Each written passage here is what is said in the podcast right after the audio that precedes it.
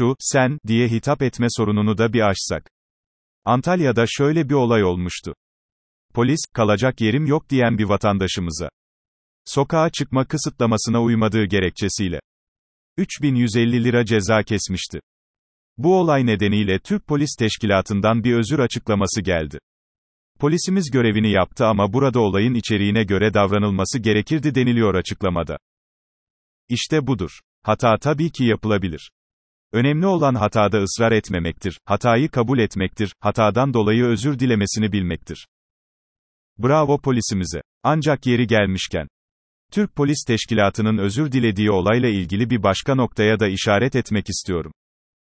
Kalacak yeri olmayan vatandaşla polis arasında geçen konuşmanın videosunu izlerken, bir şeyden çok rahatsız olmuştum.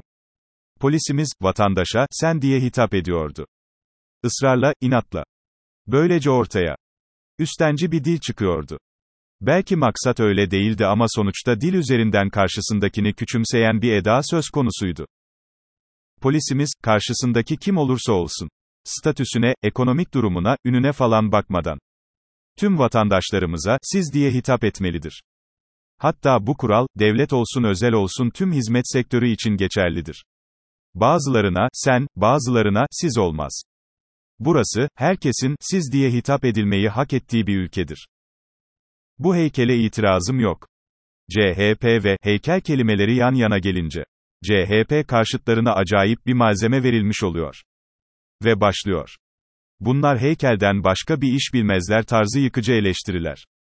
Bu yüzden CHP'li belediyelerin şu heykel işinden uzak durmaları gerektiğini yazdım. Fakat buna rağmen, uzak duramadıklarını da şaşkınlıkla izledim. En son yine bir heykel olayıyla daha karşı karşıya kaldım. Bu kez yer. Ankara. Mansur Yavaş, Ankara'ya Atatürk heykeli dikiyormuş. Tam kaşımı kaldırıp. Allah Allah. Bunlar heykelsiz duramıyorlar galiba diyecektim ki. Belediyenin heykelle ilgili şu açıklamasını okudum.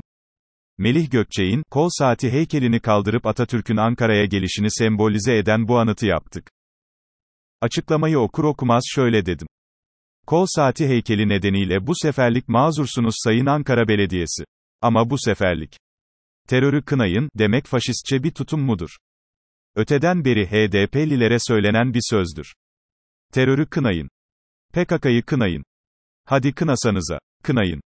HDP'den esaslı bir kınama gelmez pek. PKK'yı kınıyoruz demeye pek yanaşmazlar. Hatta, faşizm söyletme mecburiyetidir falan türü artistlik laflarla konuyu geçiştirenler de çıkmıştır aralarından. Oysa, terörü kınayın. PKK'yı kınayın. Hadi kınasanıza. Kınayın demek ve bu doğrultuda çağrıda bulunmak. Çok, Avrupa'yı bir harekettir.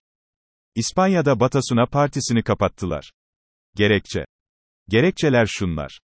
Terör örgütü ETA ile arasında organik bağ bulunmak. Terör eylemlerini kınamaktan kaçınmak. Halkı devlete karşı mücadeleye tahrik etmek. Batasuna ne yaptı? AİHM'ye gitti. Bize haksızlık yapıldı diye. AİHM de onlara şunu dedi. Siz kapatılmayı hak ettiniz. Hakkınızda verilen karar doğrudur. Demek ki neymiş? Kına. Hadi kına. Neden kınamıyorsun? Kına sana. Demek. Hiç de öyle faşistçe bir tutum değilmiş. Terörü kınamayan, koskoca partinin kapatılması bile AİHM standartlarına gayet uygunmuş. Üzgünüm. Cavit Çağlar. Durumuna hem üzülüyorum hem de, demedim mi demedim mi? İlahisini söylüyorum. Ercüment Ovalı. Kendisini her gördüğümde, Nazım Hikmet'in beyaz önlükleriyle laboratuvarlarda insanlık için çalışan bilim insanlarını övdüğü şiiri geliyordu aklıma. Ama artık kendisini her gördüğümde derin bir düş kırıklığı deryasında yüzüyorum. Bu üç ismi daha çok duyacağız, olayı. Hürriyet in cumartesi ve pazar ekleri, son dönemde resmen şaha kalkmış durumda. Fotoğraflar efsane. Söyleşiler tadından yenmiyor. Haberlerin tümüne resmen kafamı kaldırmadan gömülüyorum. Aslı Çakır önderliğindeki tüm ekibe yürekten bravo. Şimdi gelelim asıl meseleye. Hürriyet Pazar'da Hakan Gence, bu üç ismi daha çok duyacağız başlığıyla üç genç oyuncuyla söyleşi yapmış.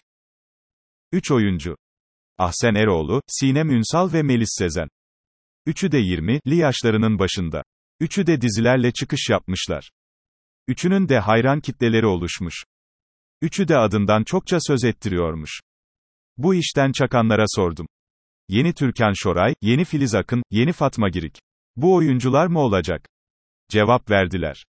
Birkaç diziyle olacak iş değil bu. Yolun daha çok başındalar. Kalıcı olup olmayacakları bile belli değil. O zaman konuya, Sağlık Bakanı Koca'nın mRNA aşısına yaklaştığı gibi yaklaşabiliriz. Kısa vadede çok etkili. Ancak orta ve uzun vadeli sonuçları için net bir şey söyleyemeyiz.